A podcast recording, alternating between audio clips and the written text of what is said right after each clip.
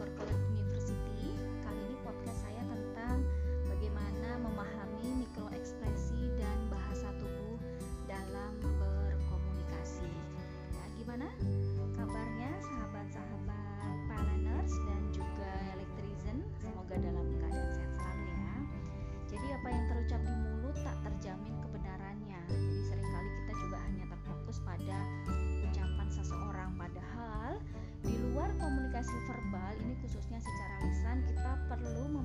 Memperhatikan komunikasi nonverbalnya ya bisa berupa ekspresi wajah, bahasa tubuh, cara berpakaian, bahkan intonasi suara.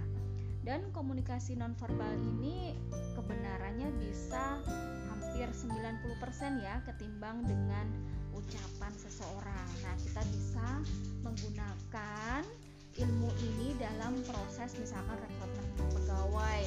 Atau kalau kita mau mencari partner bisnis ya kita juga bisa menggunakannya dalam kesehariannya. Dengan keluarga dengan teman dengan rekan kerja gitu ya. Atau bahkan bertemu dengan orang baru yang mendekat. Kita bisa menyeleksinya apakah mereka memang berhak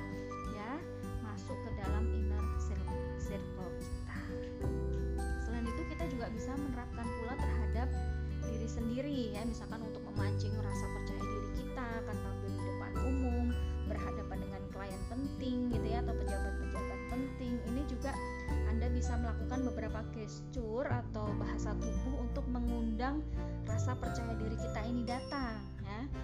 Ketika percaya diri ini datang maka kita bisa tampil dengan memukau dan meyakinkan lawan bicara ya. Jadi eh, singkatnya setelah teman-teman mempelajari ya wawasan anda akan bertambah tentang membaca ekspresi wajah dan bahasa tubuh dalam berkomunikasi. Jika konsisten berlatih, kita bisa mempraktekkannya dalam keseharian untuk kepentingan diri sendiri, keluarga, pekerjaan dan juga passion ya.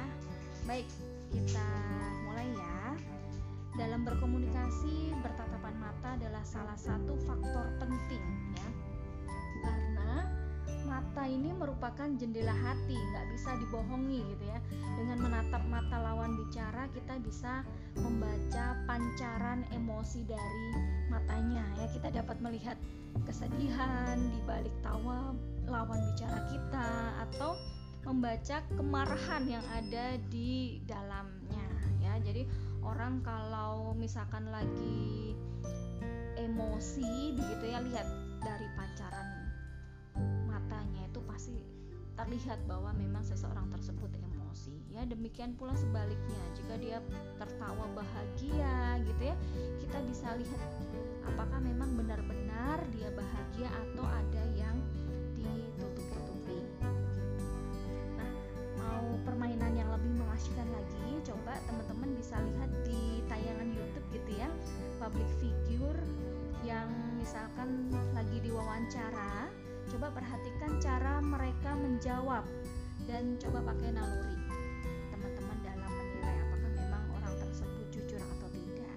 Tapi satu hal ya yang teman-teman bisa ingat kita tidak bisa menilai mereka spontan itu 100% tidak benar ya jadi tetap ada kondisi-kondisi tertentu yang menyebabkan mereka ini agak lambat merespon. Misalkan seperti tipe orang yang suka menganalisa pertanyaan sebelum menjawab. Jadi mereka mungkin perlu menggali memori-memori untuk mengingat sebuah peristiwa. Karena kita juga tidak boleh menghakimi sepihak bahwa seseorang tersebut berbohong dibutuhkan pendapat ahli membaca ekspresi wajah dan bahasa tubuh untuk menganalisa dengan akurat ya. Jadi sampai di sini bisa dipahami ya teman-teman ya. Namun jika teman-teman mengenali orang tersebut biasanya menjawab dengan spontan gitu ya. Lalu suatu ketika menjawab dengan lambat atau memakai oh ih kok nanyanya gitu? Hmm, maksud kamu apa? Nanya gitu. Ya kan ada kemungkinan ya orang pada saat ditanya seperti itu. Nah itu kemungkinan ada yang dia tutupi.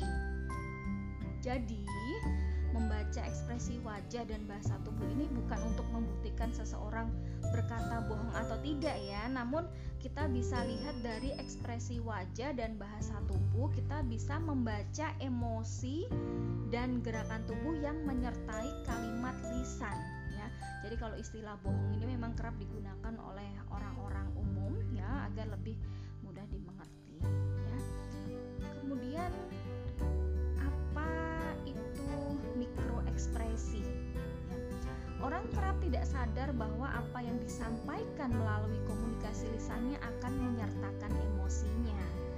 Emosi seseorang akan terlibat setiap dia mengucapkan sesuatu nih ya jadi meski ada orang-orang yang terkesannya ini lempeng saja gitu ya wajahnya ekspresinya datar pada waktu bicara gitu ya namun e, sedatar-datarnya orang bisa menangkap emosi di balik komunikasi lisannya jadi ekspresi wajah ini adalah respon emosional seseorang yang tertangkap saat seseorang mengatakan sesuatu. Nah, ekspresi wajah inilah yang kita bisa bagi dua ya teman-teman ya, yakni e, makro ekspresi dan mikro ekspresi.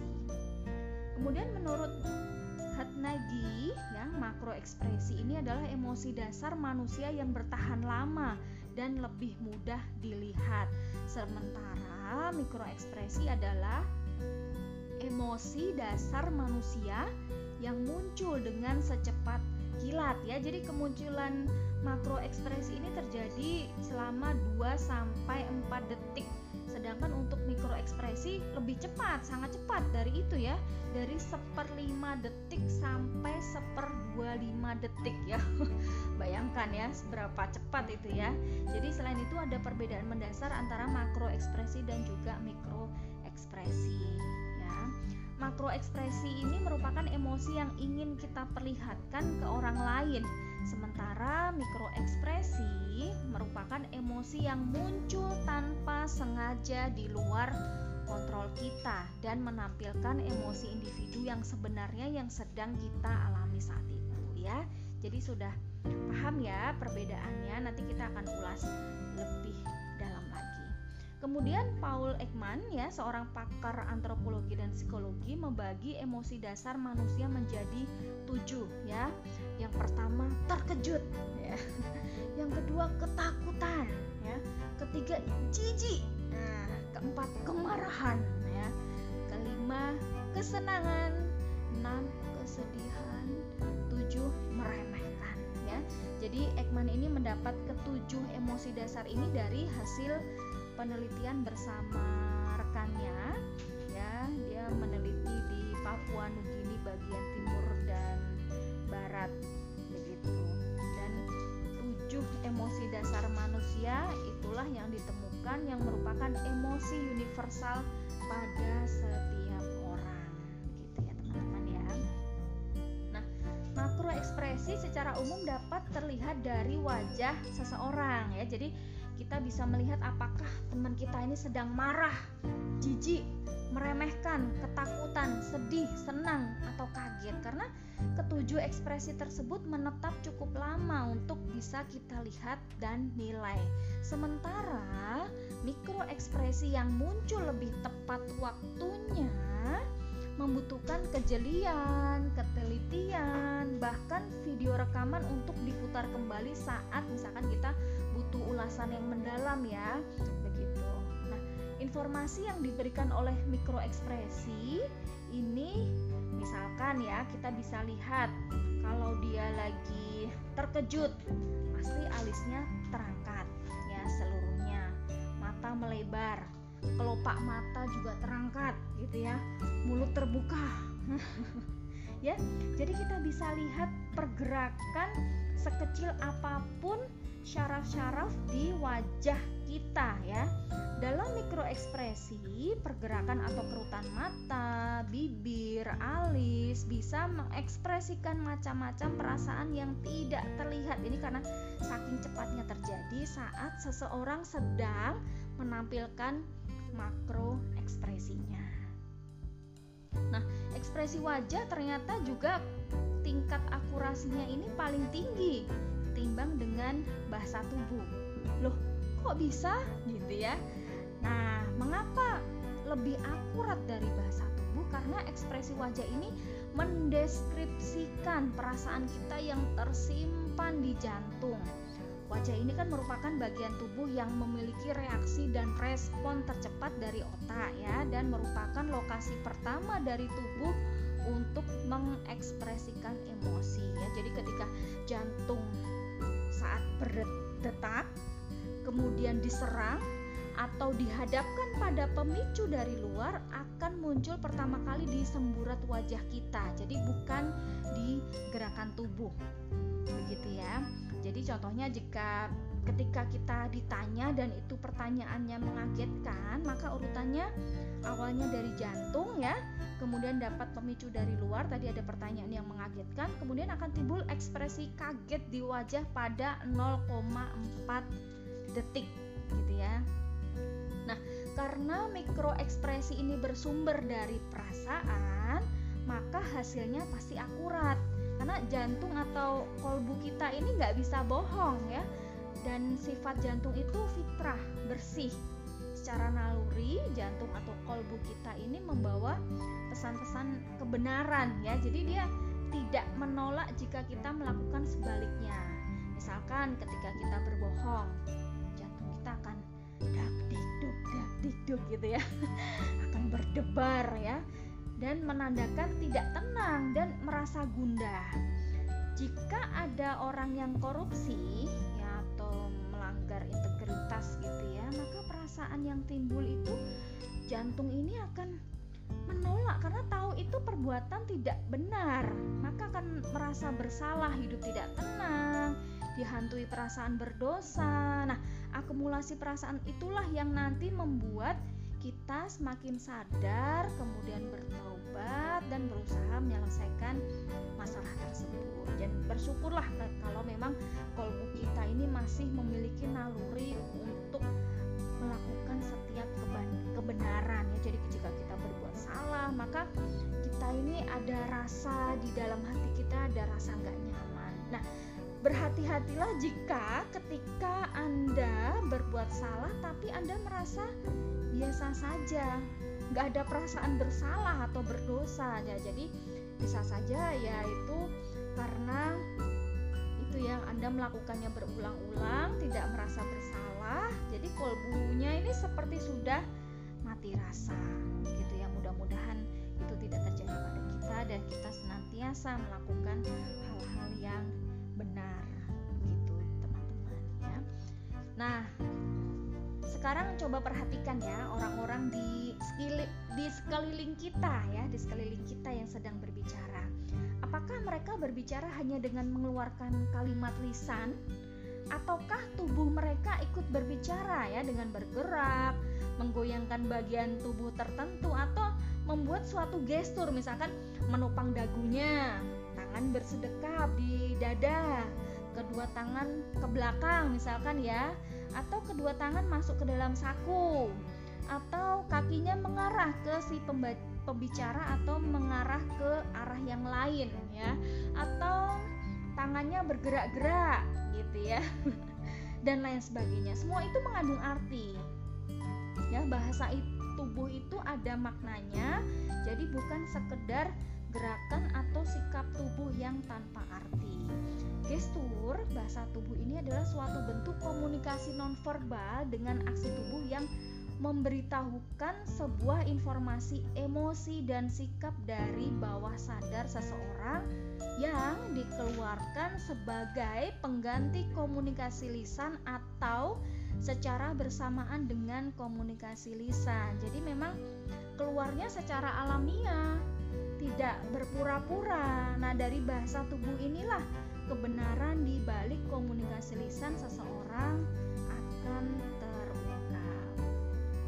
Kemudian kita lihat e, pendapat ahli sosial antropologi ya Edward T. Hall ya mengatakan dalam proses komunikasi 35% disampaikan dalam bentuk kalimat dan 65% dalam bentuk bahasa tubuh. Sedangkan Richard E. Potter dan Samuel ya mengatakan dalam intercultural communication reader ya. Bahasa tubuh adalah proses pertukaran pikiran dan gagasan dengan penyampaian pesan berupa isyarat, ekspresi wajah, pandangan mata, sentuhan, lambang-lambang yang digunakan, diam, waktu, suara, dan postur juga gerakan tubuh ya. Jadi dari penjelasan tersebut, ekspresi wajah ini menjadi bagian dari bahasa tubuh ya. Namun Mengapa dalam pembahasannya kerap disebut terpisah antara ekspresi wajah dan bahasa tubuh? Karena masing-masing ini bisa dipelajari secara khusus agar lebih mudah dipahami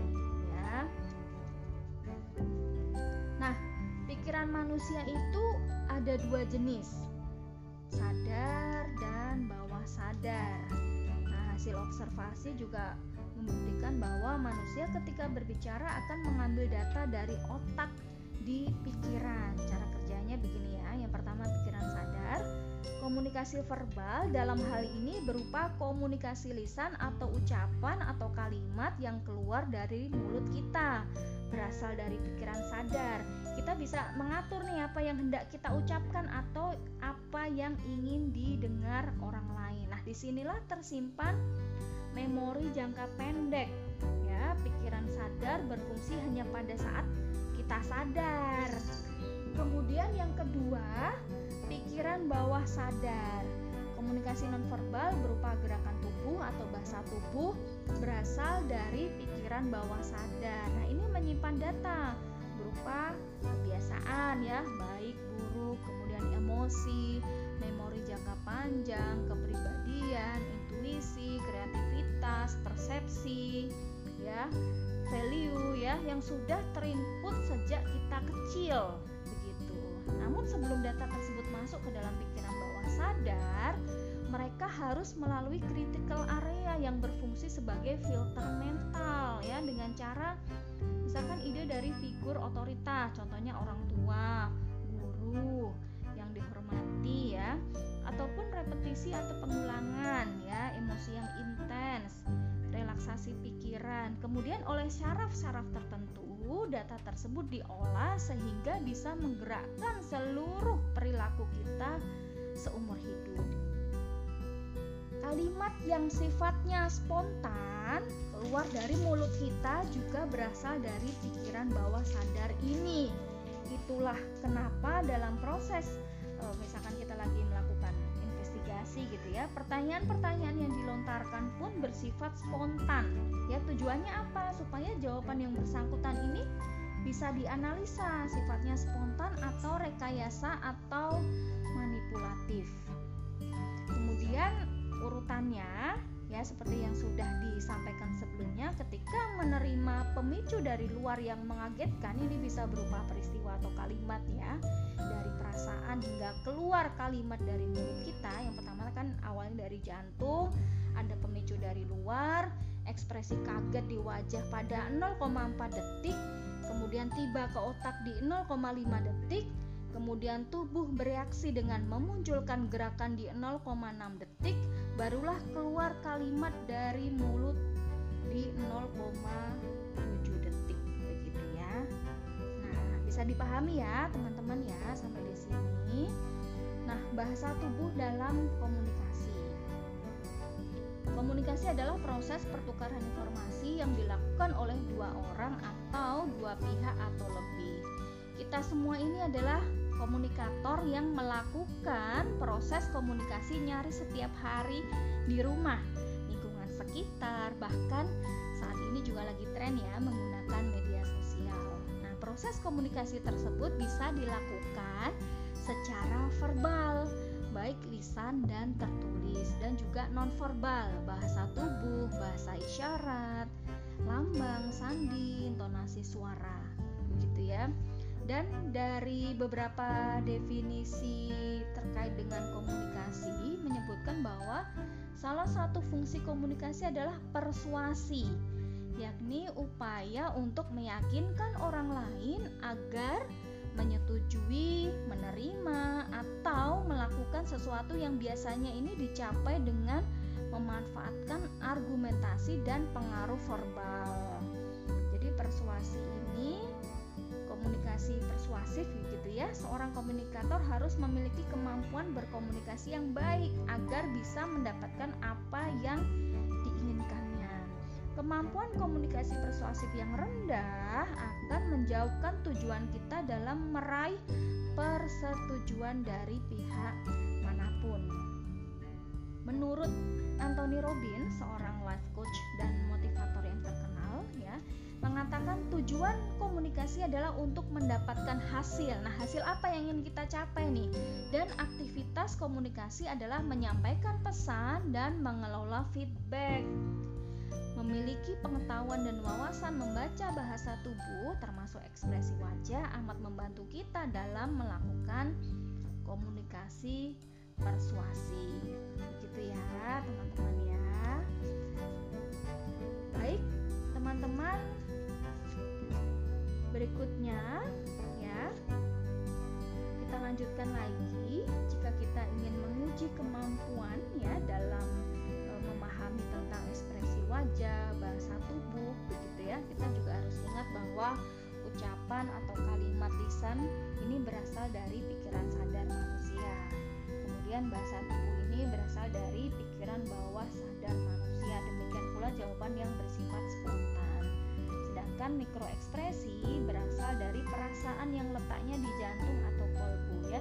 Ini teman-teman bisa lakukan eksperimen begitu ya bersama dengan temannya secara bergantian bisa bertukar peran siapa yang bertanya dan siapa yang memberikan jawaban. Kemudian bisa diperhatikan ya jawaban verbal, lisannya dan non verbalnya seperti apa. Nah, dari pertanyaan-pertanyaan yang sudah disusun, disampaikan ya, ditanyakan, ini Anda bisa lihat cara partner kita dalam menjawab apakah spontan atau menjawab disertai dengan oh gitu ya atau um, anu hmm, gimana ya? Aduh ogah ah jawab itu misalkan ya. Ingat perhatikan komunikasi nonverbal yang mengungkap pesan dari pikiran bawah sadarnya. Nah kemudian lihat juga gerakan tubuh yang menyertainya misalkan sambil apakah yang bersangkutan sambil menggaruk-garuk hidung ya? Tidak mau menatap wajah atau mata kita saat kita tanya. Tatapannya malah melihat ke arah yang lain terus. Menggigit ya atau menjilati bibirnya sendiri gitu ya. Seperti resah orangnya ya. Memberikan kepala atau gerakan-gerakan tak terkendali di tubuhnya. Menggoyang-goyang kaki ya ataupun yang lain. Itu menandakan partner kita sedang menutupi kebenaran yang sesungguhnya informasi yang diberikan ini tidak seluruhnya benar. Mungkin ucapannya saja sudah putar-putar nih nggak jelas gitu ya. Ditambah bahasa tubuh yang menandakan kegugupan. Begitu ya teman-teman ya. Jadi setelah mempelajari ini tidak saja berguna untuk mengetahui apakah orang-orang di sekitar kita ini sudah mengungkapkan kebenaran atau tidak, namun berguna juga untuk menganalisa ya calon misalkan calon karyawan, menyeleksi vendor ataupun yang lainnya. Jadi dengan kemampuan ini kita juga bisa menilai dan mengandalkan intuisi dalam memilih berhak dalam inner circle kita. Sampai di sini sharing saya Terima kasih, sampai bertemu lagi di podcast selanjutnya. Wassalamualaikum warahmatullahi wabarakatuh. Terima kasih.